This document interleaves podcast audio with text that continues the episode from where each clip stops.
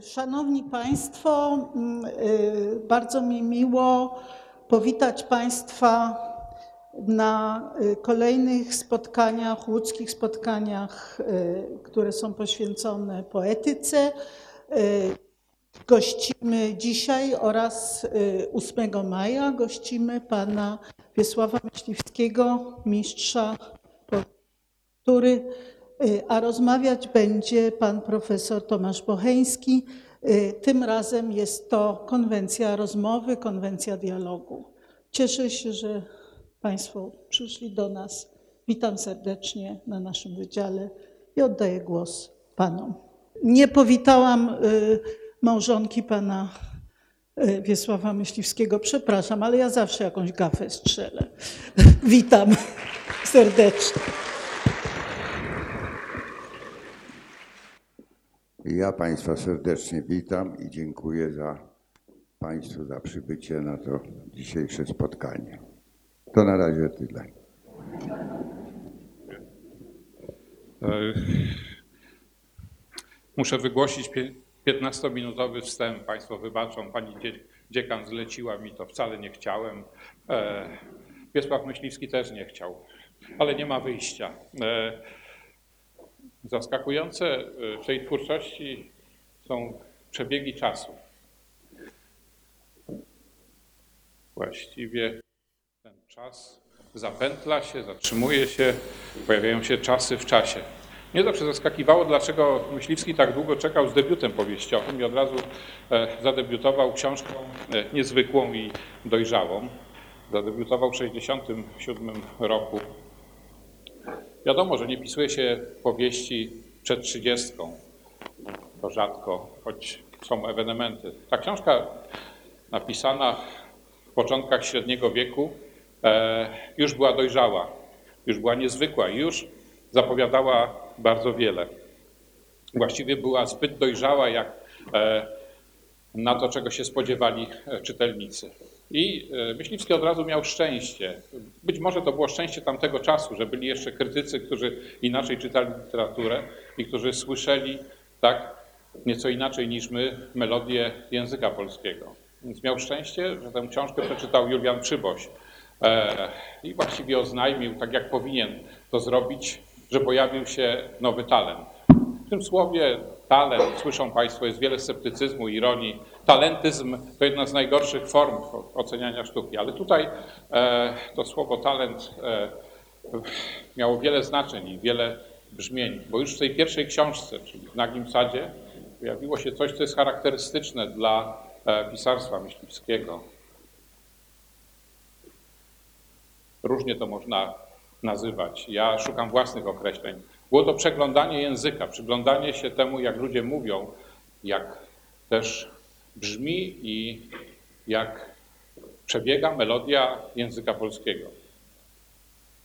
Nagisat miał też coś innego, co jest darem dla przeglądania języka i co e, współcześnie jest trudne do zrozumienia. To znaczy pojawiła się tam metafora, ale nie metafora, która jest łatwością, e, łatwością przenośni, która łączy dwa odległe bieguny znaczeń. Tam była metafora, która pojawiła się przez pracę nad językiem.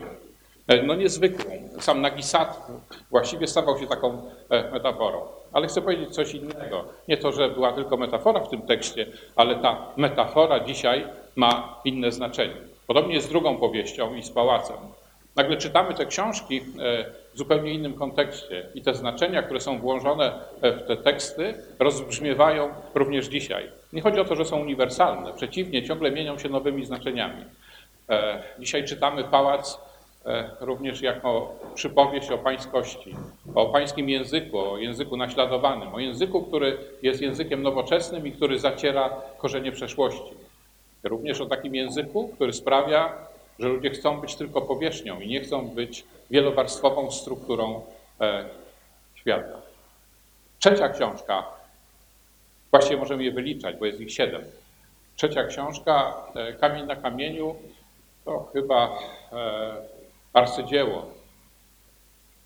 Nie lubię tego słowa, e, ale ona się wspina na e, arcydzielność i jest niezwykła. Brzmi też coraz nowymi znaczeniami, ale brzmi też pesymistycznie, bo właściwie można ją nazwać apologią i rekwiem kultury chłopskiej. Kultury chłopskiej, nie literaturą o wsi, e, co brzmi okropnie, ale rekwiem kultury chłopskiej, w której Myśliwski znalazł znaczenia, czy odszukał znaczenia, czy zbudował znaczenia, które w gruncie rzeczy pozwalają nam mówić o świecie. Można powiedzieć, że w kulturze chłopskiej krył się język poznania, niezwykły i uniwersalny, który pozwala rozumieć świat. To największe osiągnięcie, jeśli mogę tak powiedzieć, tej twórczości, e, która nie zamyka się oczywiście w tych określeniach kultury chłopskiej. W końcu sam autor napisał esej o końcu kultury chłopskiej, okresie, o tym, jak ona skończyła się, jak przestała wybrzmiewać i zamieniła się zupełnie w coś innego, co e, brzmi sarkastycznie. E, często folklor i, obrazek, który już nie przynosi żadnych znaczeń. Potem przyszedł widnokrąg. Najmniej lubię tę książkę i chętnie bym przeskoczył przez widnokrąg, bo zresztą jest to piękna metafora i wskoczyłbym do, do innego świata. Ale i w widnokręgu pojawiają się znaczenia, które, które są tym razem nowe w tej twórczości. Pojawiają się znaczenia, e, które niektórzy nazwaliby wyborem egzystencjalnym pisarza. Tam pojawia się medytacja, no nie pierwszy raz oczywiście, ale w takiej rozbudowanej formie medytacja nad istnieniem no i co ważniejsze, medytacja nad losem.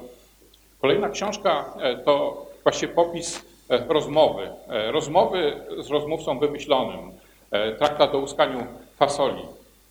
Jest w tym traktacie właściwie niezwykłe przywołanie medytacji nad przedmiotem, bo przedmiot, konkret, czyli te elementy, które współcześnie znikają w świecie ponad konkretem, w świecie abstrakcji, w świecie dyskursów. E, ten konkret jest miłością e, autora. E, właściwie to pisarstwo zaskakujące.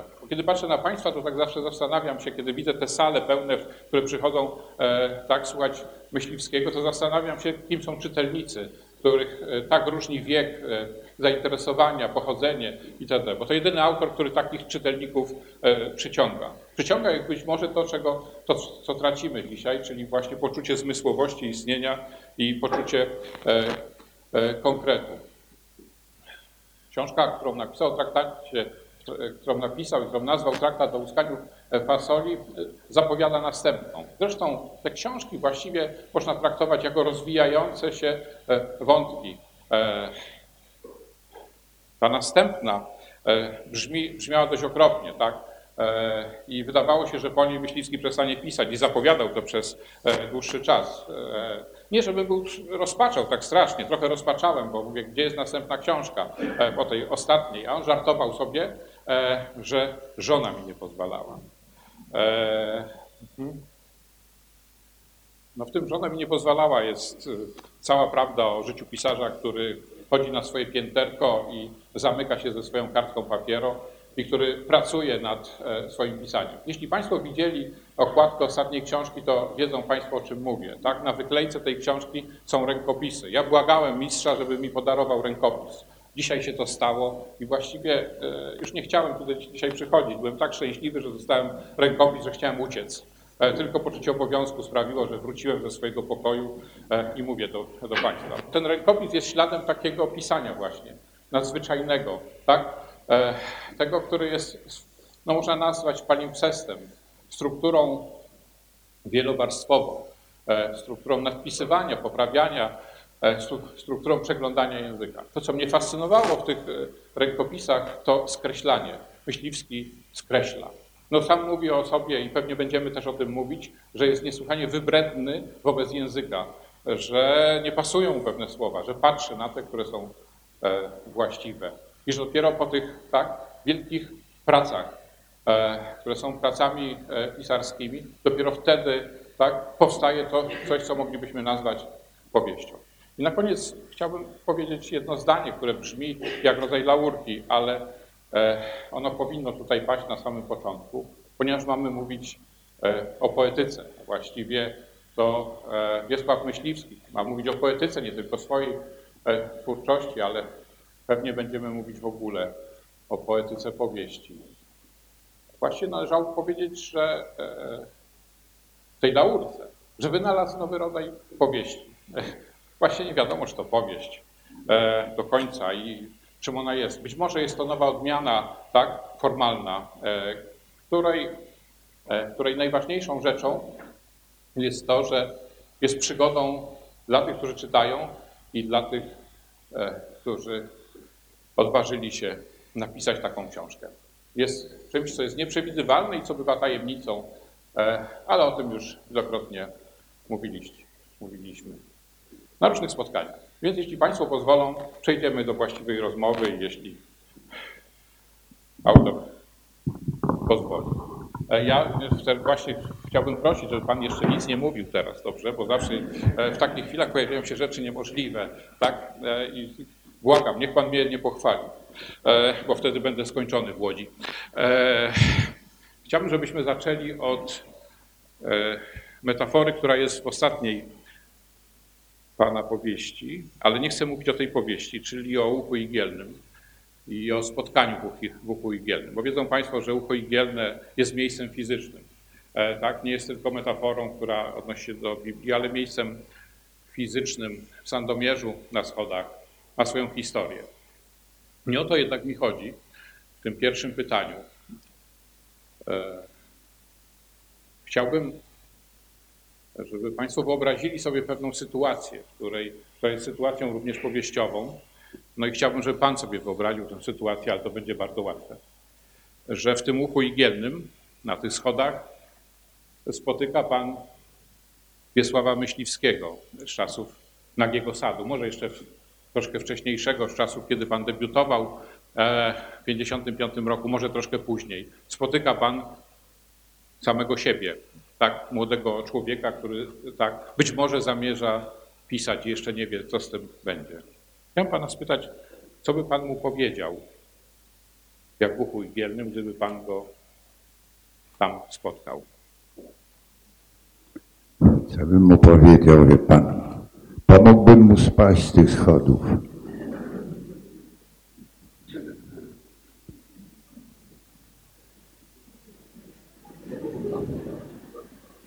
No ja ze współczuciem teraz popatrzyłem na Pana los, e, bo, bo jednak nie spadł Pan z, tym, z tych schodów.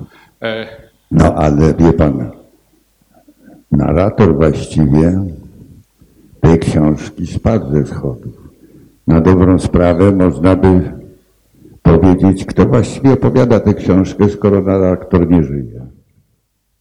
Nie ma narratora. Pierwszym rozdziale właściwie nastąpiło uśmiercenie narratora. To jest z pozoru absurdalne. Prawda? No ale powieść jest formą absurdalną. Właściwie zainteresowało mnie to, co Pan tutaj powiedział. Na chwilę odejdę od ducha igielnego. O tym, że ja wymyśliłem nową formę powieści.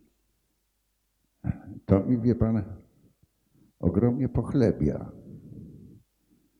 A nawet przyznam się Państwu, że ja tak sądziłem. Mianowicie, ponieważ ja nikt nie zwrócił uwagi na to, co ja kiedyś dawno, dawno temu powiedziałem w jakimś wywiadzie, że powieść jest formą bez zasad, że jest to forma jednorazowego użytku, że nie wyobrażam sobie, czy, że dzisiaj można by napisać teorię powieści. że teoria, zdaje się profesor Wojciechowski chyba napisał teorię powieści, o ile pamiętam jeszcze ze studiów, że teoria, no tak, ale to odnosiło się do klasycznej powieści. Ekspozycja, akcja, punkt kulminacyjny i tak dalej, i tak dalej. Tego nie ma u mnie.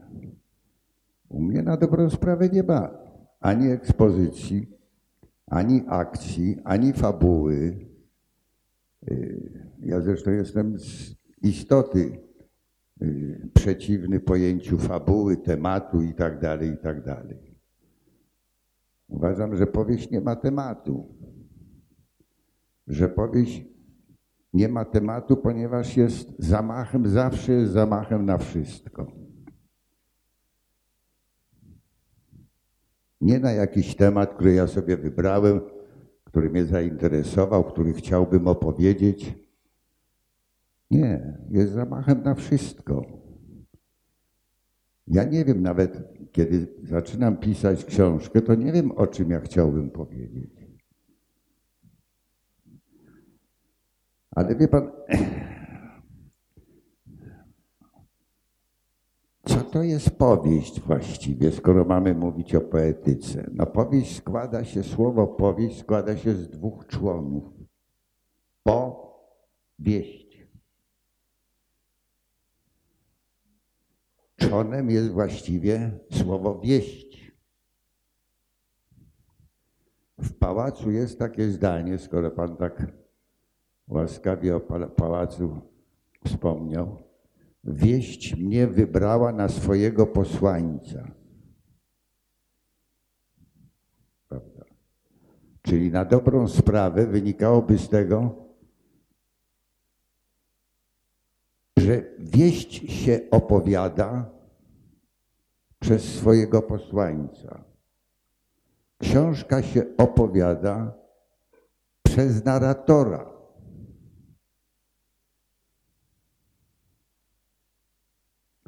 Taka, tym dla mnie jest forma powieści.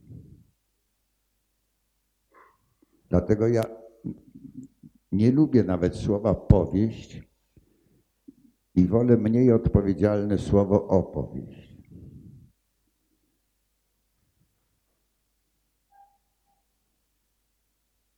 No to może na razie tyle na Pana jednak mnóstwo pytań. Nie, żebym żądał odpowiedzi na wszystkie. Niech niektóre zawisną tutaj. E, ciekawe, byłem ciekawy, od czego zaczniemy właściwie i e, co Pan powie na, na początku. Ja jednak e, przyniosłem te książki, niekoniecznie żeby je czytać, ale żeby one dowodziły długiego oddechu. One mają swój rozmiar.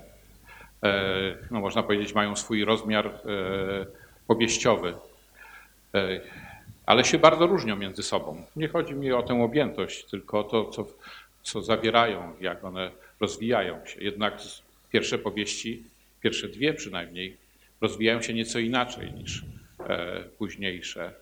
E, wydaje mi się, że ta szczególna forma, którą Pan wybrał, wiele zawdzięcza poezji i poetyckości języka, że w gruncie rzeczy to ta niesłychana uważność e, i słuch do melodii języka e, zbliża formę wielu fragmentów, które Pan napisał, do formy wiersza, a właściwie do formy e, poematu prozą. I że od razu właściwie od tego Pan zaczyna, jakby można było wyciągnąć historię która się kryje w jakimś przedmiocie, bo często zaczyna Pan od przedmiotu. To jest, kieruje w stronę następną, jakby pytanie, które jest, no, ma jakby wiele poziomów, ale ten pierwszy jest, jest niesłychanie poważny. To znaczy taki, że przedmiot kryje w sobie e, nieskończoność pewną, no i człowiek kryje, to, to oczywista jest nieskończoność, ale że z przedmiotu, który, który rozważamy i który, e, który opisujemy i który dla którego język znalazł dziesiątki e, form, kryje się już zaczątek wielu opowieści, albo nawet wielkiej opowieści. I czy tak jest, że, że Pan jest, że Pan zdradził samego siebie jako poetę i stał się prozaikiem? Nie, nie zdradziłem siebie jako poety. Nie miałem zamiaru nigdy być poetą, wie pan. Ja w ogóle mia nie miałem zamiaru pisać książek.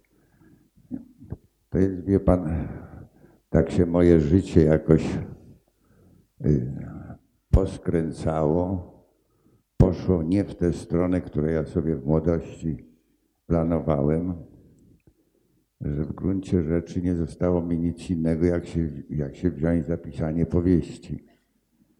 Wie pan, także A wracając do tego, co Pan powiedział, że y, w moich powieściach, moje powieści są konstruowane według, można powiedzieć, logiki poezji, to to jest prawda.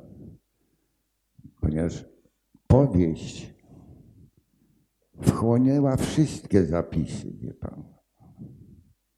Wszystkie. Wchłonęła również poezję, nie w takim znaczeniu, wie Pan, lirycznym, yy, wyobrażeniowym, wrażeniowym, ale wchłonęła język poezji, mianowicie język poezji jest to język, który niezależnie po prostu od tego, o czym mówi, zawiera jakąś sugestię, że mówi jeszcze o czymś innym. Wie pan, to jest istota metafory. I właściwie nie da się dzisiaj w moim, w moim przekonaniu pisać prozy językiem informacji, językiem reprodukcji, prawda? Językiem oznajmującym, prawda? Nie da się, w każdym razie w moim przypadku nie da się. Ja uważam, że język, każde zdanie musi być wielostronne. Jeśli jest zdaniem informującym, to jednocześnie musi zawierać jakąś sugestię, że o coś w tej informacji chodzi, a nie tylko o samą informację. To się bardzo często uzyskuje prostym sposobem w takim zdaniu. Język polski jest językiem ruchomym, płynnym bardzo. I wystarczy, że tak powiem, przestawić, czy inaczej ułożyć szyk zdania. Czasami wystarczy partykułę się przestawić, żeby to zdanie brzmiało już bardziej wieloznaczne. Więc zresztą powiedziałem to, no niestety muszę tu Państwu powtarzać rzeczy, które wielokrotnie już mówiłem, czy to w wywiadach, czy w rozmowach, czy nawet z panem profesorem, z którym odbywamy bodajże trzecie albo czwarte spotkanie, panie profesorze ale jesteśmy na to skazani, żeby się powtarzać. Więc po prostu powiedziałem kiedyś, że literaturą może być wszystko. Każdy ludzki zapis. Nieprawda, że literatura jest tylko proza, poezja, esej, dramat i tak. To są formy konwencjonalne. Literatura może być wszystko. Każdy, jak powiadam, ludzki zapis. List, gryps, notatka w kalendarzu i tak. Lecz mało co jest literaturą. Ale sam spotykałem w wielu zapisach takich, powiedziałbym, rodzinnych na przykład w listach, w różnych notatkach. Spotykałem czasami zdania, które mnie obezwładniały, których autorzy pewnie nie mieli nawet świadomości. Coś za nich to zdanie napisało, ale to było ich zdanie. I w tym niewielkim, powiedziałbym, liście, czy w niewielkim jakimś zapisie to zdanie było wielką literaturą. Taki mam pogląd również. Z tego się wziął mój pogląd na powieść. Że ona wchłaniać powinna, czy może, czy jest zdolna do wchłonięcia w siebie, w narrację, wszystkich możliwych ludzkich zapisów. To jest taka forma. Dlatego wracam do tego, co powiedziałem przed tym, że powieść jest to forma bez zasad.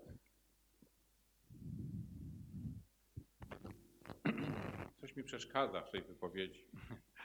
E, jakby pewna luka i pewna e, brak czegoś. E, nie, żebym chciał koniecznie uzupełniać pana, ale chciałbym, żeby pan, A, nie, nie, nie, bardzo proszę. żeby pan uzupełnił. Chodzi mi o, o, o to, żebyśmy z tego, z tych określeń, tak, języka zeszli na, na dodali do tego metaforę życia i czy też żywego języka. No bo jednak e, większość form, z którymi się spotykamy, przynajmniej my się spotykamy e, jako filologowie, jako ludzie, którzy słuchają języków, to spotykamy się z językami, które umierają, które są martwe albo które się zasklepiają, które są sformalizowane. Ich ekspansja jest coraz bardziej widoczna. Pan również używa takich języków, żeby je ożywić. Bardzo często się tak zdarza na różne, na różne sposoby. Tych martwych nie jest to jednak zasada, którą, którą uznałbym za, za bardzo ważną zasadę Pana pisania. Inna jest ważniejsza, to znaczy e, szukania form, które mają w sobie wewnętrzną ekspresję i e, energię życiową. E, tak myślę o nich, że, że, tak, e, że tak je można e, traktować jako formy, z których rozwijają się następne i tylko takie E, właściwie można znaleźć u Pana. Że Pan jest, pochwala język, który ma swoją wewnętrzną ekspresję i który jest nie językiem zamkniętych dyskursów, abstrakcji i porządków, przeciwnie. E, więc chciałbym, żeby Pan powiedział o tej, o tej formie, która ożywia język. Nie tylko może o tym, żebyśmy porozmawiali też o czymś najbardziej zagadkowym, co jest wiadomo dla, dla każdego, kto pisze, pierwszym zdaniem, następnymi zdaniami, z których rozwijają się inne, żebyśmy porozmawiali o, o energii pisania w związku z melodią na przykład. Jak to się dzieje właściwie, że słyszymy melodię, która nas prowadzi dalej do następnych zdań, do następnych form? Bo wie pan, my piszemy językiem wewnętrznym, nie zewnętrznym. A język wewnętrzny zachowuje rytm nasz wewnętrzny. Każdy człowiek ma swój rytm wewnętrzny. Nie tylko jest to bicie serca. Jest to rytm jego myśli, jego wyobrażeń, jego snów, jego pragnień, jego uczuć. Wszystko to jest nacechowane rytmem. I każdy człowiek ma osobny rytm wewnętrzny. Ten rytm wewnętrzny jest naszym wewnętrznym językiem. Wie pan. I ja staram się pisać moim wewnętrznym językiem. Prawda? Nie tym językiem, którego którym się komunikuje z innymi osobami, nie tym językiem, który, który, którym, które jest, jest pismem. Odróżnijmy zresztą, to już nieraz o tym mówiliśmy, prawda? Prawdziwym językiem jest język mowy. Język pisma jest językiem wtórnym, pochodnym. Co prawda my dzisiaj już wszyscy mówimy językiem pisma, i my tu z panem profesorem prawdopodobnie też już mówimy językiem pisma. Ale tym językiem pisma w moim przekonaniu nie da się nic napisać, co mogłoby być prawdziwe. Ponieważ język pisma jest językiem tak skonwencjonalizowanym, tak zestandardyzowanym, prawda? że on się nie nadaje do opisania niczego, a już na pewno nie nadaje się do opisania naszego wewnętrznego świata. I, i ten język wewnętrzny mój niesie mnie, jeśli on y, tworzy zdanie, prawda, to on tworzy w taki sposób to zdanie, żeby to zdanie nie było początkiem i końcem, lecz żeby otwierało się na następne zdanie I na następne, i na następne.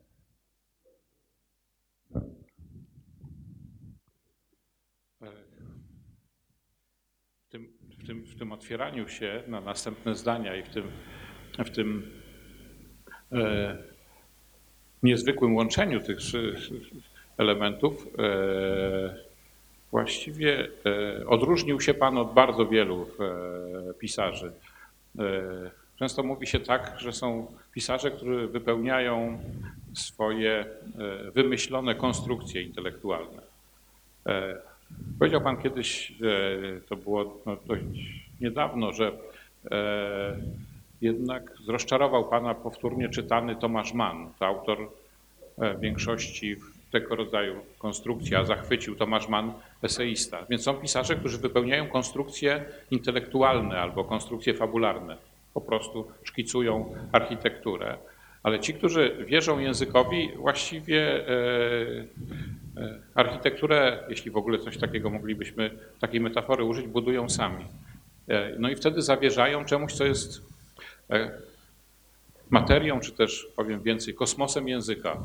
Tak? Kosmos języka, który, który używa pisarz i którego Pan używa, musi kryć w sobie coś więcej niż tylko to, co rozum ludzki potrafi pojąć, przewidzieć i uporządkować. E, no, prowadzę do takiej konkluzji, która jest przewrotna i taka e, właśnie niestosowna. E, to znaczy powiedziałbym, niestosowna jest dla dzisiejszego spotkania w ogóle, jest niestosowna, że książki są mądrzejsi, mądrzejsze niż pisarze. Oczywiście. Zawsze mówiłem, że książki wiedzą więcej o mnie niż ja o nich. No ja nie wiem, o swoich książkach tyle, ile te książki wiedzą o mnie. Wie pan. Przecież akt tak zwany twórczy, jak się to podnieśle nazywa, jest w gruncie rzeczy aktem intuicyjnym, nieświadomym. Ja bym nigdy w życiu nie napisał książki, gdybym miał plan jej. Gdybym sobie stworzył plan na papierze, rozdział pierwszy, rozdział drugi i tak dalej, i tak dalej, nawet gdybym tego planu nie był w stanie, prawda, dotrzymać, ale szedł według tej e, linii. Nigdy bym nie napisał. Po co miałbym pisać książkę, o której ja wszystko wiem do końca? Jeśli ja mam plan, to znaczy ja mam świadomość, czym ta książka będzie. Ja mam względny obraz tej książki w sobie. Po co miałbym je w takim razie pisać? Ona by mnie nie ciekawiła. Ja mogę pisać tylko taką książkę, prawda, o której nic nie wiem, którą tworzą kolejne zdania, prawda, i która mi mówi, co odkrywa we mnie również. Prawda? Przecież pisanie jest aktem poznawczym.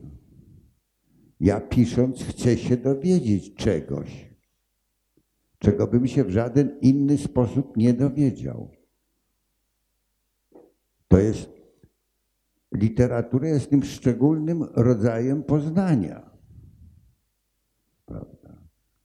To mnie dopiero to mi dopiero pozwala siedzieć godzinami nad białą kartką papieru, prawda? I napisać tych parę zdań lub nie napisać nic. Bo jeśli nawet nic nie napiszę, a tak się często zdarza, i przesiedzę te parę godzin bezradny, to nie jest to, że tak powiem, zmarnowany czas. Ja to nazwałem kiedyś bezradnością owocującą. Prawda? To gdzieś tam po prostu w następnych dniach y, spowoduje, że tych parę zdań się pojawi, które tego dnia nie chciały się powiedzieć. No wie pan, ja bym powiedział tak, że właściwie nie chciałbym nadużyć tego słowa, więc biorę je w cudzysłów. Moje książki są improwizacją z której ja nie zdaję sobie nawet sprawy. Zaczynam pisać Nic nie wiedząc. Ale to, że ja nic nie wiem, wyzwala energię we mnie, bo chcę się dowiedzieć. Mnie, moja książka zaczyna ciekawić, gdzie ona mnie prowadzi. Co ona mi pokaże? Jakich wrażeń ona mi dostarczy? No, gdybym pisał inaczej, gdybym pisał według planu, tak jak się, jak niektórzy piszą, to prawdopodobnie bym napisał nie siedem powieści, tylko może, może 70. 70. Nie, nie czytałbym Pana e, wtedy. Jeśli już padło to słowo, w, no niektórzy kochają e, tak, te projekty, tak, których w każdym tomie jest to samo, tylko w innych szufladkach. E, padło to słowo, które jest bardzo ważne. E, ono jest ważne z wielu powodów, ale jest ważne dla mnie głównie. To słowo improwizacja. Ale nie, nie, jest tak, że, że Pan mnie natknął do pisania książki o improwizacji w literaturze. To było wcześniej o wiele, zanim Pan użył tego słowa. E, Ale słowo improwizacja jest czymś, e, co, co określa e, mój sposób rozumienia też literatury, czyli tego, że ona jest niegotowa i, i, i znajdziemy w literaturze przebiegi pewne i, i ekspresję, która wygląda jak zapisana improwizacja muzyczna, jak zapisana na płycie na przykład improwizacja e, muzyczna, która za, zawiera ślady energii, e, energii e, twórczej. Więc tak myślałem o Pana książkach, że one bywają e, e, bardzo często im, improwizacjami. W improwizacjach jednak e, są dwa elementy, które, znaczy jest wiele, ale dwa, o dwóch moglibyśmy porozmawiać. E, Pierwszy e, jest niepokojący, to znaczy są improwizatorzy, którzy wracają do swoich ulubionych zagrywek albo do tego, co przećwiczyli, przećwi- przećwiczyli wcześniej, e, do pewnych szkolnych pomysłów albo do inwencji, które dawały zawsze im e, apl- aplauz publiczności. Są tacy jazzmeni, którzy w nieskończoność zagrywają to samo, e, czyli spotykają samego siebie ciągle w improwizacjach i ograniczenie samego siebie. No, a drugi element jest optymistyczny, jeśli można użyć w ogóle takiego epitetu, bo w improwizacjach jest możliwość przygody oczywiście.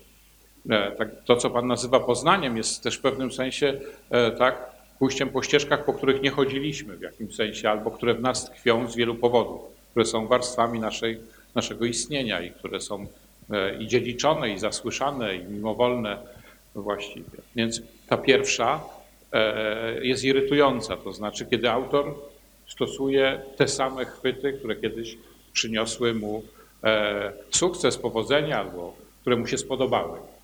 E, No nie widzę tego u Pana za dużo, choć ma Pan swoje pomysły i swoje inwencje, do których Pan wraca, ale próbuje Pan rozwiązywać ciągle na inny sposób, jakby, jakby ten, ten, ten element pierwszy, od którego uciekamy, czyli od samego siebie i od tego, co jest Mrożek nazwał to utwardami. Że mamy w sobie utwardy, czyli przyzwyczajenia, od których nie możemy uciec formalnie. Czyli w improwizacjach no można do tego wracać. A ta druga strona, co jest tym elementem poznania? Co jest dla Pana przygodą? Jaka była największa przygoda, e, no tutaj zapisana w tych książkach, która zdarzyła się w czasie, która Pana zaskoczyła niezwykle, że, że, że Pan napisał coś, co jest właśnie owym wyjściem czy przekroczeniem samego siebie? No wie pan, to niestety muszę dać przykład książki, którą najmniej pan ceni z moich książek, czyli Widnokrąg. Otóż ja Widnokrąg chciałem napisać zaraz po pałacu. Bo jak pałac zaniosłem do wydawnictwa, im się ten pałac spodobał, y, Kierownikiem zresztą wtedy redakcji literatury współczesnej był taki e, wybitny romanista, tłumacz Julian Rogoziński.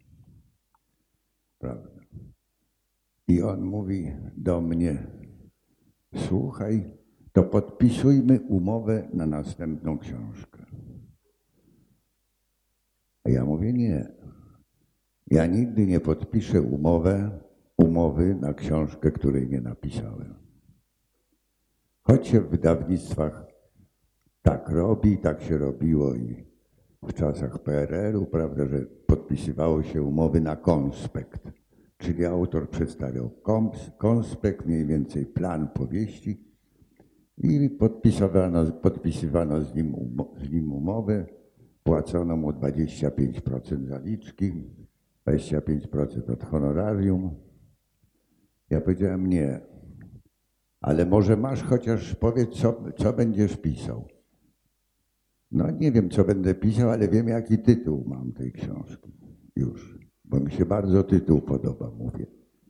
Ponieważ tytuł mi się podoba, to chciałbym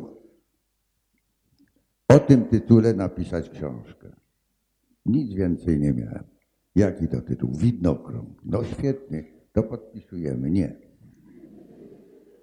No i ja nawet ten widnokrąg zacząłem pisać.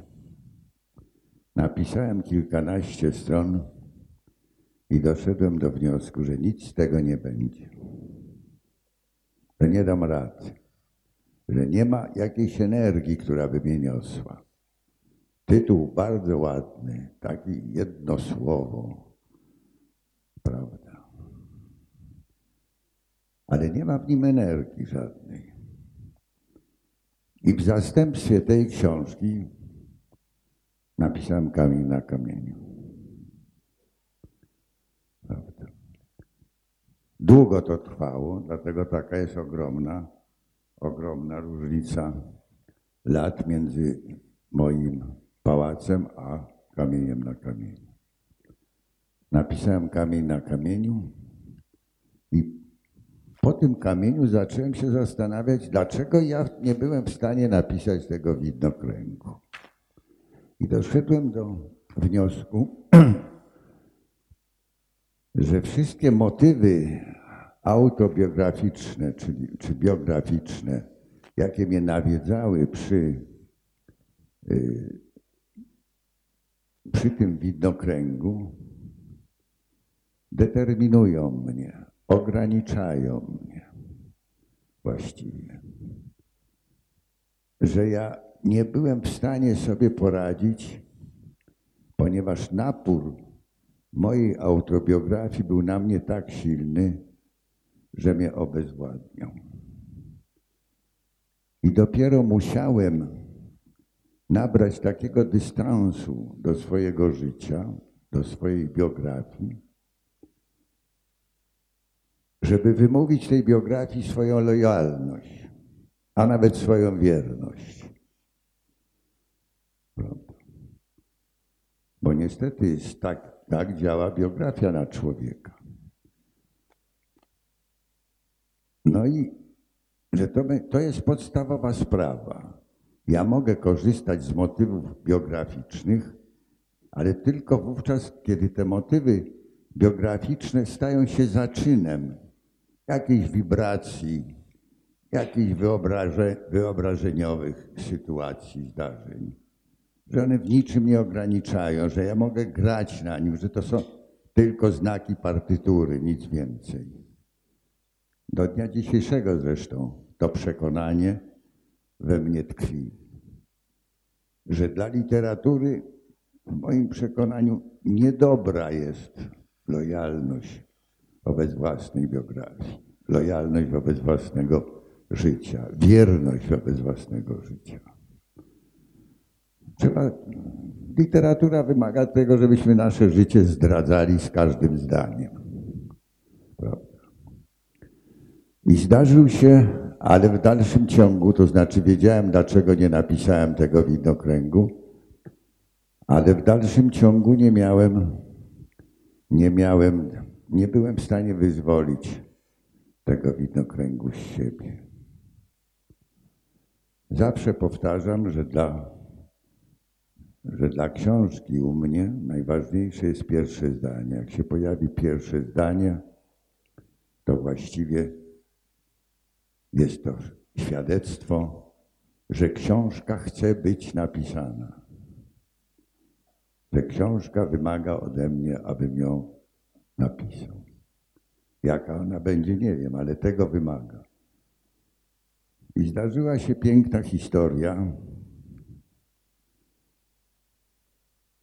Otóż, ale inaczej powiem. Ale nigdy nie, nie dopowiedziałem tego, tej swojej teorii o pierwszym zdaniu, dlatego teraz ją, je modyfikuję. Otóż pierwsze zdanie nie musi być na samym początku.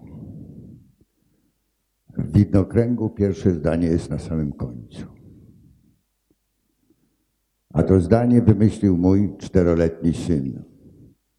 Kiedy byliśmy nad morzem, ja mu budowałem zamek z piasku, a on mi nosił wiadereczkiem wodę, żeby ten piasek stał się materiałem budowlanym. I w pewnym momencie nachylił się do mnie i mówi, tatuś, przynieść ci jeszcze morza. Przynieść ci jeszcze morza, otwarła się we mnie otchłań. To jest też a propos tego, co mówiliśmy o poezji. To jest zdanie informacyjne niby, prawda? Ależ ile ono ma sugestii dodatkowych. I w tej jednej książce, w tej jednej książce pierwsze zdanie jest na samym końcu. To niech pan polubi widnokrąg teraz.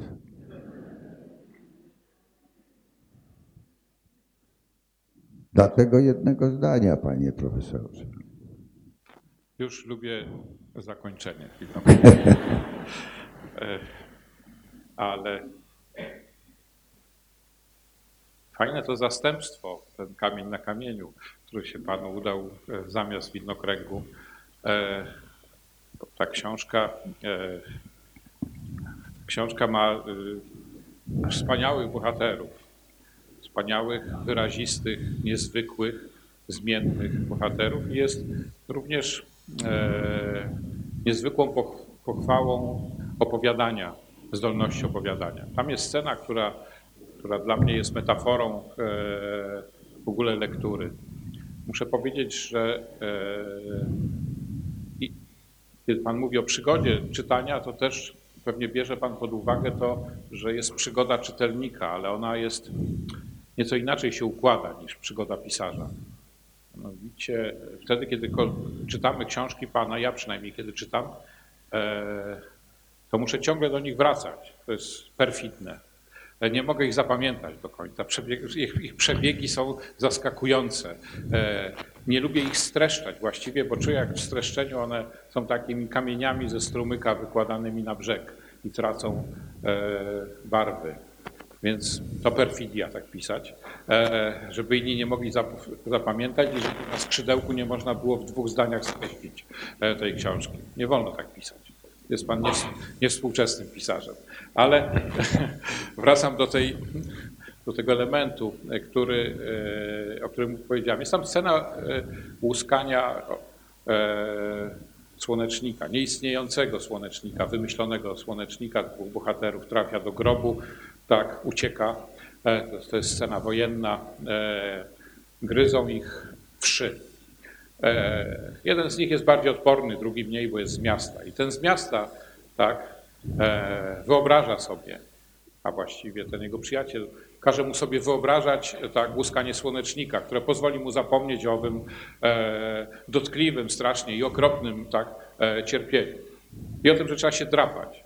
Właściwie to fizyczna metafora istnienia. E, I tamten łuska, nieistniejący słonecznik, a potem tak łuska, że ten słonecznik staje się rzeczywisty i on wybiega. To kończy pan jednym zdaniem właściwie. Musiałem go pochować i, i koniec. Tak, tak, tak, tak brzmi zakończenie tego dłu- długiego i fascynującego elementu, który pokazuje, e, co się dzieje, kiedy wierzymy e, w zmyślone. I kiedy to zmyślone staje się bardziej wyraziste niż realne. To jedna z, jeden z Pana pomysłów, więc stąd następne pytanie, które właśnie, no, czy ja zadaję pytanie raczej, stawiamy sobie pewne problemy do, do rozważania. Ten, ten, e, ten problem jest niepokojący e, i, i pojawia się w wielu Pana e, tekstach, że zmyślone jest bliżej tego, co możliby, mogli, możliby, możli, moglibyśmy nazwać przeżyciem głębokim istnienia. Że przez zmyślone albo, tu nie ma słowa zmyślone, może lepiej, przez opowiedziane jesteśmy bliżej istnienia niż wtedy, kiedy je tylko przeżywamy. To co to jest pytanie? O co mnie pan pyta? Czanie? Mówię o niepokojącym, zacytuję fragment, żeby Państwo wiedzieli, jakie to, e, tak, jaki to moralny problem. Mhm. Zacytuję kamień na kamieniu, tam e, jest to część wątku miłosnego. Bohater jest takim zabijaką, wcześniej był partyzantem, e, takim wiejskim kochankiem, którego miłości właściwie pożądają kobiety i teraz znajduje się u rodziców takiej dziewczyny, którą uwodzi w urzędzie gminy. Tutaj muszę pana pochwalić, ale miłość w urzędzie gminy udała się panu genialnie. Ja byłem, byłem w wielu urzędach gminy, tam nie ma miłości, a u pana jest to subtelny i pełen, tak, pe- pełen delikatności wątek. E, To prawdziwa sztuka, znaleźć miłość za tymi biurkami. Ale e, bohater trafia do tych rodziców e, i ojciec opowiada o nim samym, przy nim samym. To trochę tak, jak zaczęliśmy dzisiaj. Mówi tak, narrator. Przegadaliśmy cały wieczór, a i nocyśmy trochę zarwali. Ale co się podnosiłem, żeby iść, to siedź pan, jeszcze nie tak późno. Spotkać takiego człowieka i go nie wysłuchać, grzech byłby. Choć właściwie to ja słuchałem, a on o mnie opowiadał. Tu orzeł rozbroił, tam napadł, tam zrobił zasadzkę, tam go okrążyli, ale im się wymknął. I tylko od czasu do czasu sprawdzał, czy tak było. Tak było? Mój panie, prawdę mówię? A choć nieraz było całkiem inaczej, ale mu przytakiwałem, bo prawdziwiej opowiadał niż było. No jak pan może takie niemoralne rzeczy opowiadać?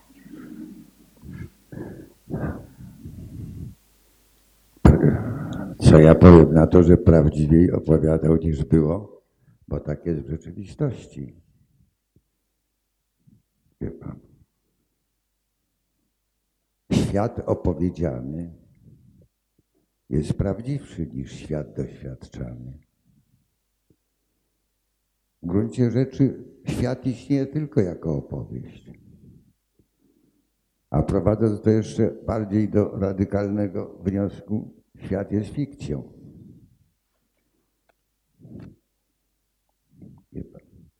Jak nie coś, co nie jest opowiedziane, nie istnieje. No. Dlatego każdy człowiek chce się opowiedzieć. To jest pragnienie, które dotyczy wszystkich. Wszystkich.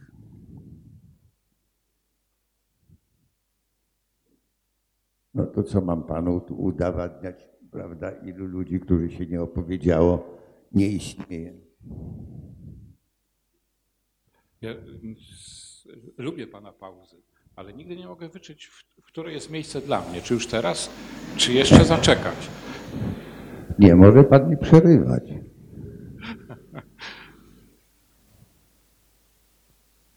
Chciałem przerwać, bo y, to prowadzi nas do tego rozróżnienia, którego Pan używa e, i które jest rozróżnieniem e, ludzi, którzy opowiadają, e, opowiadają siebie, opowiadają innych.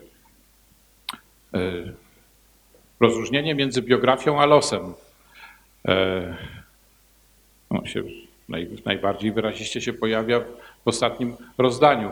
Czyli tego, że wszyscy mają biografię, właściwie, ale mało kto ma los. To czy trzeba nauczyć się tak opowiadać, żeby e, zrozumieć, a, przewrócić do początku, bo powiedziałem źle, a Państwo mnie nie poprawiają, nie da się powiedzieć, zrozumieć los. Czy, czy nauczy, czy czegoś trzeba szczególnego, żeby e, tak przejrzeć, czy opowiedzieć biografię, żeby nie tylko nie istnieć, tak? No bo tutaj u Pana bardzo często jest w literaturze coś najważniejszego. Literatura jest obroną przed nieistnieniem, e, ale e, trywialne biografie często znikają, nieopowiedziane i tyle. Co trzeba zrobić, żeby biografia przeobraziła się w los, albo żeby się przeobraziła w to, e, co ma swój ciężar i wagę i staje się literaturą poważną, do której ciągle wracamy. Jest coś takiego? To sprawia, że ludzie mogą opowiedzieć swoją biografię i przejrzeć jej znaczenia mityczne, ostateczne. To co ja mogę do tego dopowiedzieć? Do, dopowiedzieć dużo. E, No wie pan, y, no rzeczywiście w ostatnim rozdaniu jest y, taki fragment, w którym narrator mówi, że każdemu jest dane życie. A my często utożsamiamy życie z losem. A to nie jest prawda. Każdemu jest dane życie, a los jest wiedzą o tym życiu, świadomością tego życia, konstrukcją tego życia dopiero. A konstrukcją staje się wtedy, kiedy my swoje życie opowiadamy. Jak się Państwo przysłuchujecie, jak ludzie opowiadają, prawda, to przecież nikt nie opowiada linearnie. Właściwie wszystkie opowieści są gwiaździste. Prawda? Wszystkie opowieści są, mają formę ośmiornic. Nie trzymają się czasu.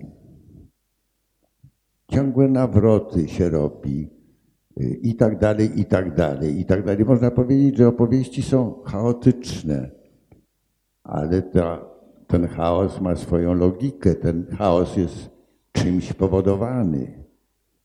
Ten chaos zmierza ku jakiejś konstrukcji, ponieważ każdy, kto opowiada swoje życie, prawda, na dobrą sprawę szuka w tym życiu sensu.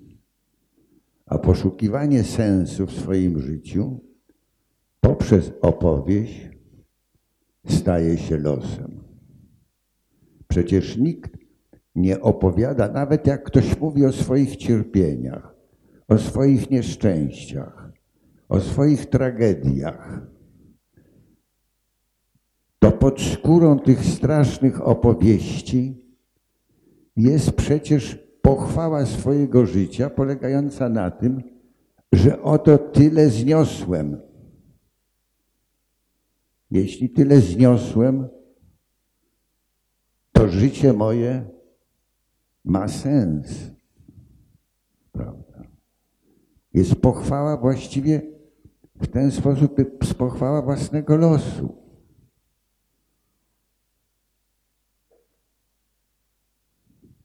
No tutaj, y, tutaj y, o tym, żeśmy z panem profesorem rozmawiali parę miesięcy temu na spotkaniu w Warszawie, ale muszę się ponownie powołać na Tomasza Mana. Co prawda ma, ma, ma, man definuj, definiuje w ten sposób talent, ale można sobie słowo talent darować. Ale w każdym razie, bo to nie, do, nie dotyczy tylko talentu. Otóż Pan w jednym z esejów mówi, właściwie mówi o pisaniu. Co to jest pisanie? Jest to zdolność posiadania własnego losu. Nic więcej Pan nie mówi, ale intrygowała mnie ta zdolność posiadania własnego losu. Bo jeśli jesteśmy, ktoś jest zdolny do posiadania własnego losu, to jak się wyraża ta jego zdolność do posiadania własnego losu? A, w związku z tym ktoś jest niezdolny do posiadania własnego losu. Otóż zdolność do posiadania własnego losu wyraża się w tej umiejętności, no nazwijmy to umiejętnością, bo mi te słowo nie przychodzi do głowy, wyraża się w umiejętności konstruktywnego opowiadania swojego życia, a więc opowie opowiedzenia swojego życia w taki sposób, żeby wychynął z tej opowieści sens tego życia. Prawda? Czyli w jakimś idąc dalej, można powiedzieć, jeśli ma z tego, w tym ujawnić się sens naszego życia, to tym samym jest to jakiś rodzaj samopocieszenia, pochwały życia, żeby ono nawet było najgorsze, jak powiedziałem.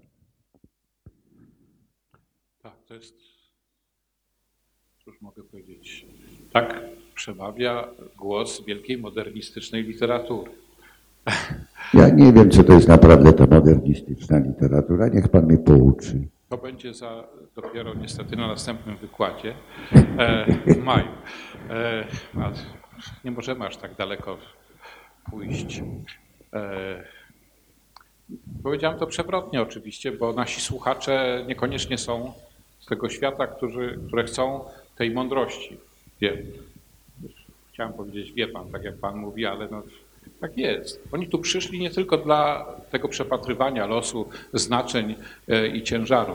Mało tego, wielu z nich ucieka przed tym za wszelką cenę. Właśnie w to, żeby ich biografie były opowiedziane przez, przez innych albo w ogóle nie było powiedziane, żeby były zszyte z kawałeczków dowolnych i żeby nic nie zawierały. E, jakaś część na pewno jest tutaj takich e, słuchaczy, którzy mówią nam, nie chcę tych mądrości. Nie, nie tylko ty, w ogóle nie chcą mądrości. Nie chcą mądrości, nie chcą e, losu i nie chcą tych ostatecznych wyborów, nie chcą wiedzy e, o tym, czym jest e, istnienie.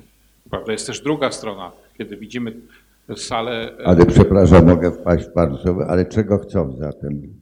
Jak niczego nie chcą?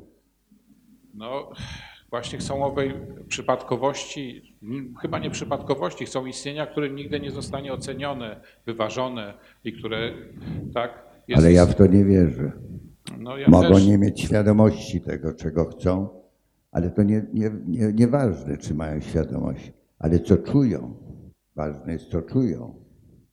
Ja właśnie widzę, że zawsze, zawsze zaskakuje mi widownia, tak, e, i czytelnicy, tak, i te kolejki kolejka w Teatrze Powszechnym to było, czy współczesnym, chyba w Powszechnym w Warszawie, ona się nie kończyła. Tak? Ludzie wpadali pod samochody, czekając na mądrości książek Myśliwskiego. E, tak byli zafascynowani tym. E, coś w tym było przewrotnego i, dwuznacznego właściwie. I zawsze coś takiego czuję, że, że część przyszła wysłuchać e, czegoś, czego nie chce, a inni do, doświadczają tego, o czym Pan mówi, że nieświadomie jednak poprzez książki poszukują literatury mądrościowej. E, chcę do tego słowa nawiązać i do powagi, bo, bo jest Panu powaga rozumienia literatury i powaga rozumienia powieści.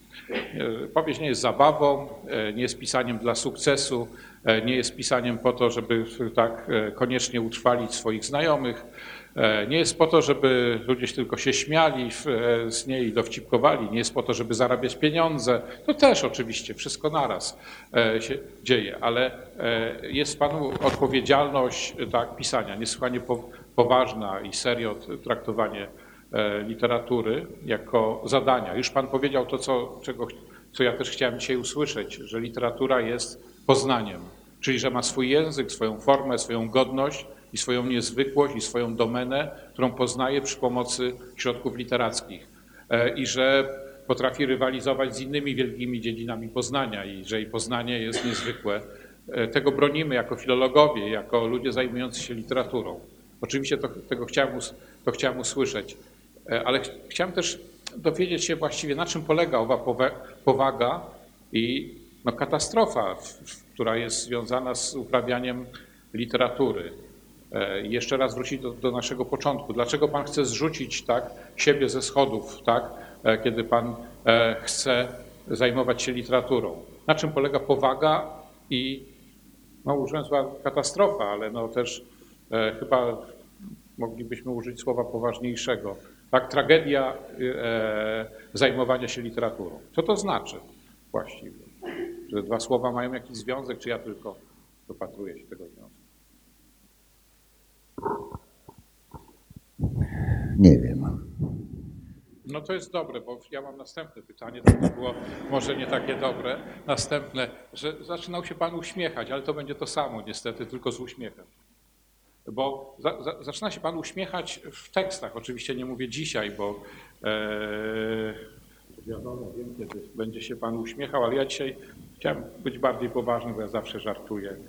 To jest tragiczne. Otóż ten uśmiech związany z tragedią e, nie pojawia się od razu u Pana w twórczości. Po, tro, po troszku, tak. A w ostatniej jest bardzo dużo. Ostatnia książka moim zdaniem ma najwięcej humoru i to tego, który jest fascynujący, znaczy łączy e, smutek e, i śmiech. Ale w traktacie o łuskaniu fasoli jest scena, którą pozwolę sobie odczytać. Ja, wiedzą Państwo, dlaczego ja czytam, bo nie zostałem skarcony wcześniej.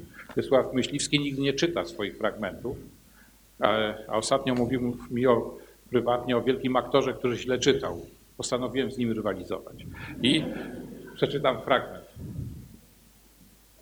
Tak. Trudna sprawa, bo każda z tych książek ma inną melodię i za każdym razem inaczej brzmi. Ale dla mnie brzmi to tak. Robiłem tego dnia na słupie transformatorowym, a taki słup transformatorowy wyglądał jak duża litera A. Składał się z dwóch słupów, które u góry się schodziły, a niżej dla wzmocnienia połączone były poprzeczną belką. I na tej belce. Poprzedniego, poprzedniego dnia pożyczyłem powróz u jednego gospodarza i pod wieczór, gdy skończyłem robotę, pochowałem narzędzia do torby. Torbę spuściłem na ziemię. Jeden koniec powroza uwiązałem na tej poprzecznej belce, na drugim zrobiłem pętlę. Włożyłem pętlę na szyję i miałem już łazami odczepić od słupa, ale spojrzałem jeszcze w dół, na ziemię i zobaczyłem stryja Jana. Stał zadartą głową i patrzył, co robię. Nie, nie wydawało mi się. Widziałem go, jak tu Pana widzę. Nie rób tego, powiedział. Powiesiłem się i nie widzę różnicy.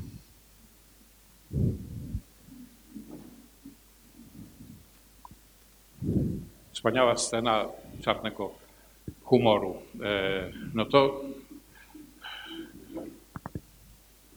kiedy pan zaczął się uśmiechać w tych powieściach i dodawać te elementy humoru, lekkości, swobody, łotrzykowskie, które no, w panu siedzą, przecież to od razu widać. Wie pan, z moim, że tak powiem, poczuciem humoru jest cała historia. Zacznę od czasu studiów. Otóż na seminarium dostałem zadanie napisania analizy bajki chyba Lemańskiego. Już nie pamiętam nawet tytułu tej bajki, ale to było coś tam gęsi, coś. Ja napisałem o tej bajce poważny traktat. Tak poważny traktat, a bajka była humorystyczna, na tym rzecz polegała.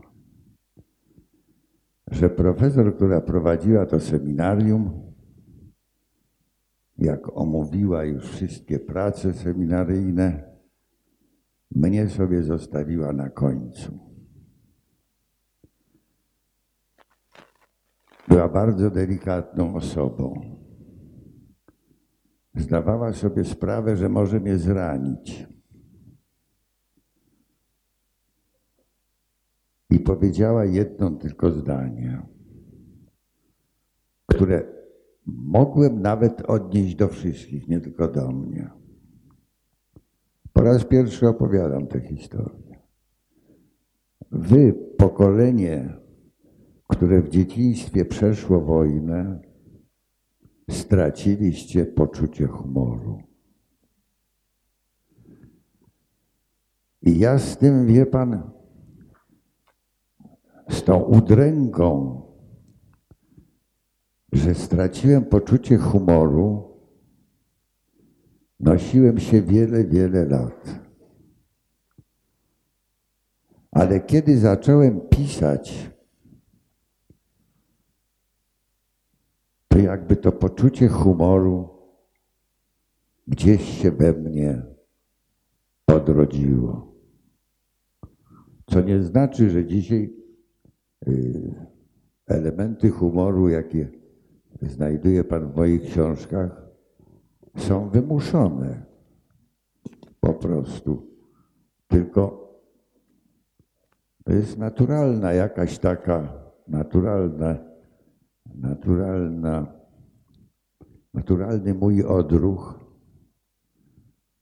To przychodzi z doświadczeniem, który mi podpowiada, że na dobrą sprawę wszystko można zamienić w humor. Nie ma tak poważnych spraw, w których nie tkwiłoby jakieś ziarno humoru.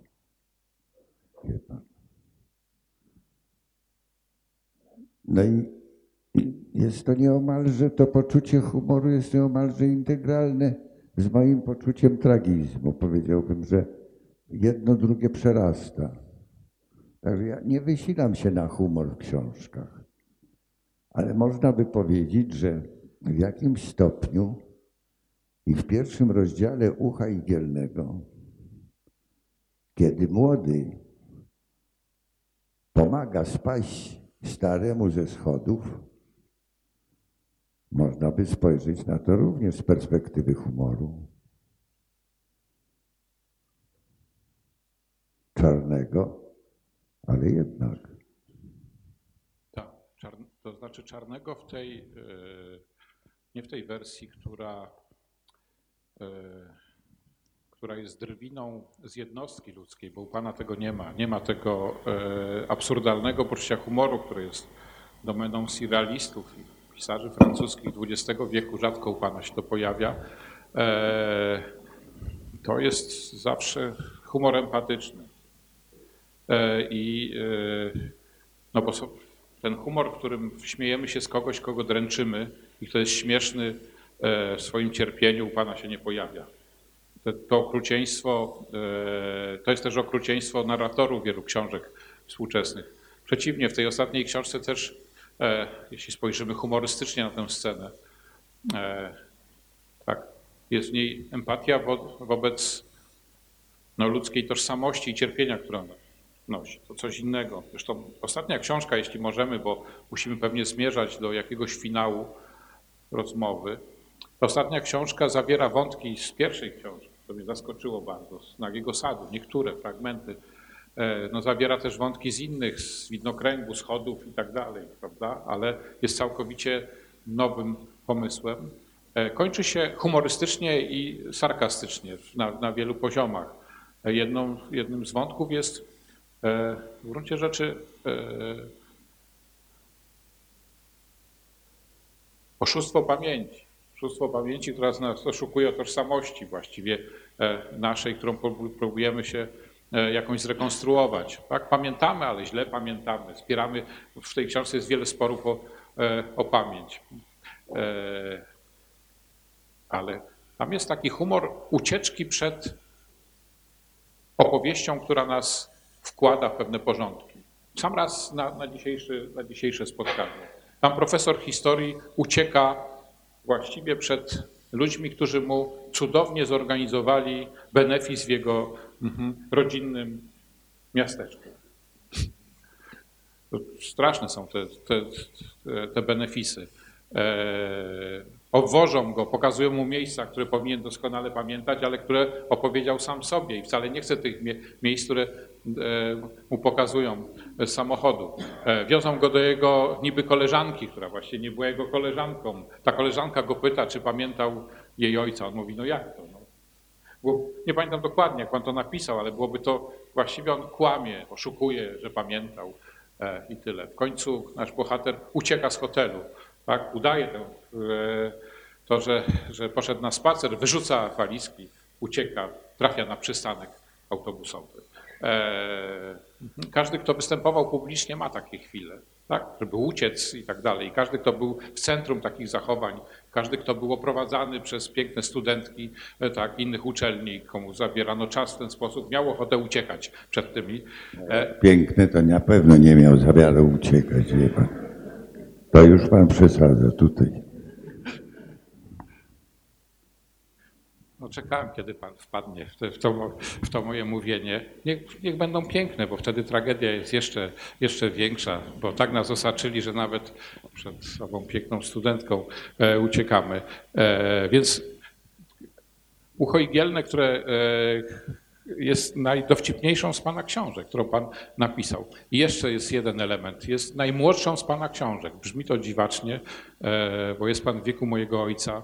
E, I właściwie mogę powiedzieć, że w ostatniej książce osiągnął Pan wreszcie młodość. No, dziękuję. Takiego komplementu się nie spodziewałem nigdy w życiu, wie Pan.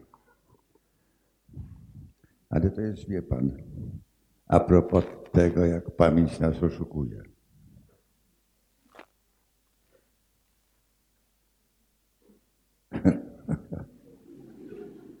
Bo my tak patrzymy na siebie, ale Państwo nie wiedzą, tak? E, Wiesław Myśliwski e, zarabiał grając w pokera młodości, więc ma to spojrzenie i to wyczekanie tak, e, swoje. E, ma ten blef, mhm. ale nigdy nie mówiłem pisarzowi, że robiłem to samo. E, mhm. Czyli też grałem i, i blefowałem. Przestałem grać, jak wygrałem od mojego dowódcy jednostki e, zasłony, a potem chciał postawić w puli własną żonę. E, e, wtedy okropny był. E, wtedy ja przestałem e, grać. Więc e, ten blef. A nie chciał pan żony wygrać? Jak potem panu powiem, na co była, na co cierpiała i wtedy wszystko zrozumiałem. Więc ten blef to wyczekiwanie, ale e, chciałbym, żebyśmy zaczęli, bo wiedziałem, że kiedy zajmiemy się humorem, zejdziemy niżej, tak? E, a teraz chciałbym, żebyśmy zrobili na koniec jednak e, stopień dalej od tej pauzy i od, od, od humoru i od mówienia. Mówiliśmy cały czas i padło tu bardzo wiele słów i e, ja się cieszę, że, że powiedział Pan rzeczy, których ja nie słyszałem wcześniej. Bo, bo jest tak, że pisarz, który mówi o sobie, pewnie po jakimś czasie ma dość siebie mówiącego o sobie. To musi wracać do pewnych powtórek i sformułowań. Dzisiaj padły pewne słowa i to Cieszę się, że tak było, ale nie dotknęliśmy tego tematu, który pojawił się wcześniej i który jest ważny i wiąże się z tymi pauzami, z mówieniem i z, z brzmieniem. E, chcę jeszcze wrócić do, do innego elementu, który gwarantuje istnienie, czyli do muzyki. E, jednak e, i u Pana w, wielu, w niektórych książkach pojawia się pochwała muzyki. Nie jest to co prawda tak jak jakbyśmy powiedzieli, że muzyka jest rajem, ale właściwie blisko. I nawet w traktacie o łuskaniu fasoli jest ten element muzyki, który, który wyzwala. Ja bym powiedział, że o wiele ważniejsze niż to przepatrywanie sensu w Pana powieściach e, jest jednak uwalnianie się od sensu poprzez melodię zdania. I po prostu takie opowiadanie, które wciąga nas i w którym gubimy ów sens, który jest ciężarem właściwym myślenia. Że czyta się Pana również dlatego, ja przynajmniej czytam, e, żeby zapomnieć o też o znaczeniach i żeby cieszyć się ową melodią, którą Pan e, słyszy i która, no, która jest wielką pochwałą polszczyzny, którą, która jest bogata i wieloznaczna e, i niezwykła, i giętka, i wspaniała, i smysłowa i tak dalej, że jak gubimy ten sens, to jesteśmy szczęśliwi, a nie wtedy, kiedy on się nam pojawia. Mhm. To Pan ma to. Przecież Pan chwali muzykę. Sam Pan mówił, że słuchał Pan Charlie'ego Parkera e, i że słuchał Pan Schuberta i e, kapryśnych sonat romantycznych, że pisze Pan zawsze, kiedy e, tak gra muzyka. Może to nieprawda, ale no powiedzmy. Prawda, wie Pan, ja kiedy czytam, gra muzyka, na świadkiem. Wie Pan. Ostatnio bez przerwy, jak położę się do łóżka, kładę się gdzieś około 12, a próbuję zasnąć około drugiej. Dwie godziny zawsze czytam, całe życie, regularnie. To też jak czytam, też mi muzyka gra. Nastawiam sobie płytę i gra mi. Ostatnio bez przerwy gram, słucham Beethovena w wykonaniu Goulda. I żona moja przychodzi i mówi, dokąd ty będziesz słuchał tego pan. Jak piszę, też muzyka mi musi grać. Wie pan. Ja nawet nie wiem, po co mi to jest potrzebne, ale jak ja by zgaszę, to nie potrafię pisać. Wie pan. To czuję pustkę w sobie. Pustkę.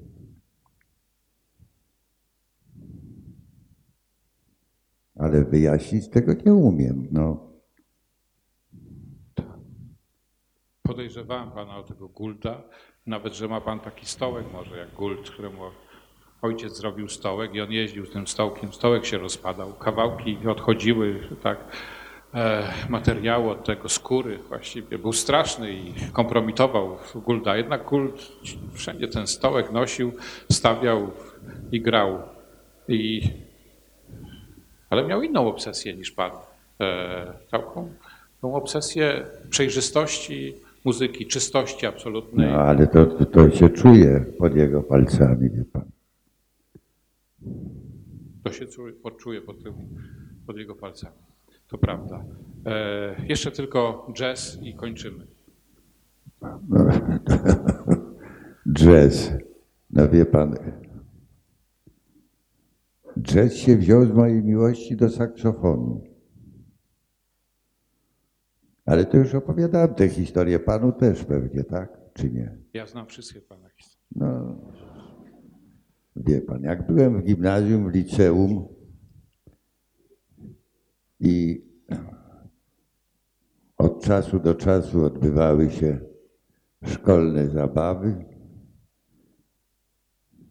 i przygrywały jakieś tam z okolic orkiestry.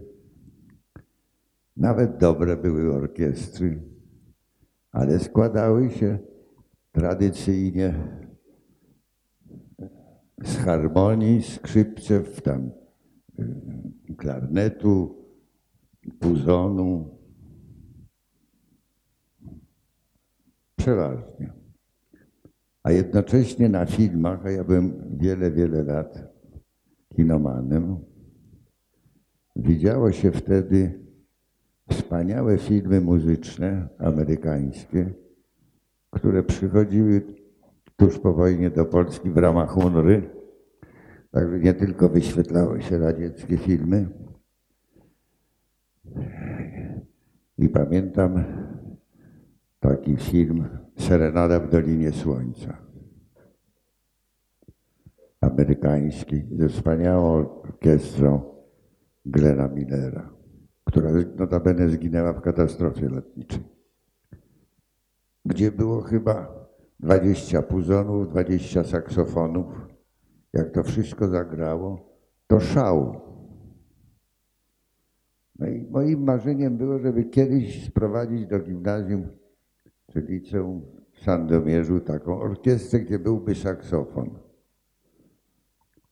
Ale saksofon był wtedy przez władzę niemile widzianym instrumentem, ponieważ był to instrument imperialistyczny i nie pomagało nawet przekonanie, że grają na nim murzyni przecież. Prawda. Więc próbowaliśmy się dowiedzieć, w ogóle saksofonu nie można było kupić. Próbowaliśmy się dowiedzieć, gdzie jest jakaś orkiestra w składzie której jest saksofon. I dowiedzieliśmy się, że jest w Ostrowcu Świętokrzyskim. Ostrowiec Świętokrzyski leży 50 kilometrów od Sandomierza. No i pojechaliśmy do Ostrowca Świętokrzyskiego. Spotkaliśmy się z tym saksofonistą, który był prawie rozczulony, że tacy młodzi chłopcy zapragnęli saksofonu i znaleźli orkiestrę aż w Ostrowcu Świętokrzyskim. I powiedzieli, że przyjadą. Nawet, że tak powiem, taniej od nas wezmą, znaczy od nas, od szkoły i przyjechali. No i to była jedyna właściwie y, zabawa, gdzie wystąpił, wystąpił zespół, w składzie którego był saksofon. Po skończeniu studiów przenieśliśmy się z żoną, jeszcze wtedy moją narzeczoną, do Warszawy. To był już 56 rok. Idziemy ulicą, a na słupie ogłoszeniowym wisi wielki plakat, że wystąpi złoty saksofon Warszawy Jan Walasek. Otóż Jan Walasek był tym saksofonistą z Ostrowca Świętokrzyskiego. Zrobił taką karierę jako saksofonista. I nawet kiedyś powiedziałem znajomemu, który był prezesem Towarzystwa Jazzowego, o tej historii, a on mówi, a, ja, a Walasek żyje jeszcze. Mówi, mieszka pod Warszawą. To ja mu opowiem tę historię. I opowiedział mu tej, tej historii, ale wkrótce po opowiedzeniu tej historii Jan Walasek zmarł. I, o widzi pan, w tragicznej sytuacji humor nagle pojawił się. Najgorsze, że na swój sposób wykluczył pan puentę, którą sobie przygotowałem pieczołowicie wiele tygodni temu, na koniec tej rozmowy. Powiem panu, jak miała brzmieć, bo jak już się nauczyłem na pamięć, to, to powiem. E, bo myślałem sobie, że zakończymy tak, że, właściwie pan był tutaj solistą. E, ja ja, ja grałem na kontrabasie, no czasami. Ja nie grałem, proszę pana, na żadnym saksofonie, na żadnym instrumencie. Ja mówię dzisiaj, e, że pan był tu solistą, a ja tak. I mało tego próbowaliśmy zagrać w duecie. Duet jazzowy to nie jest łatwa e, forma e, muzyczna. Już, już lepiej jak trio e, brzmi.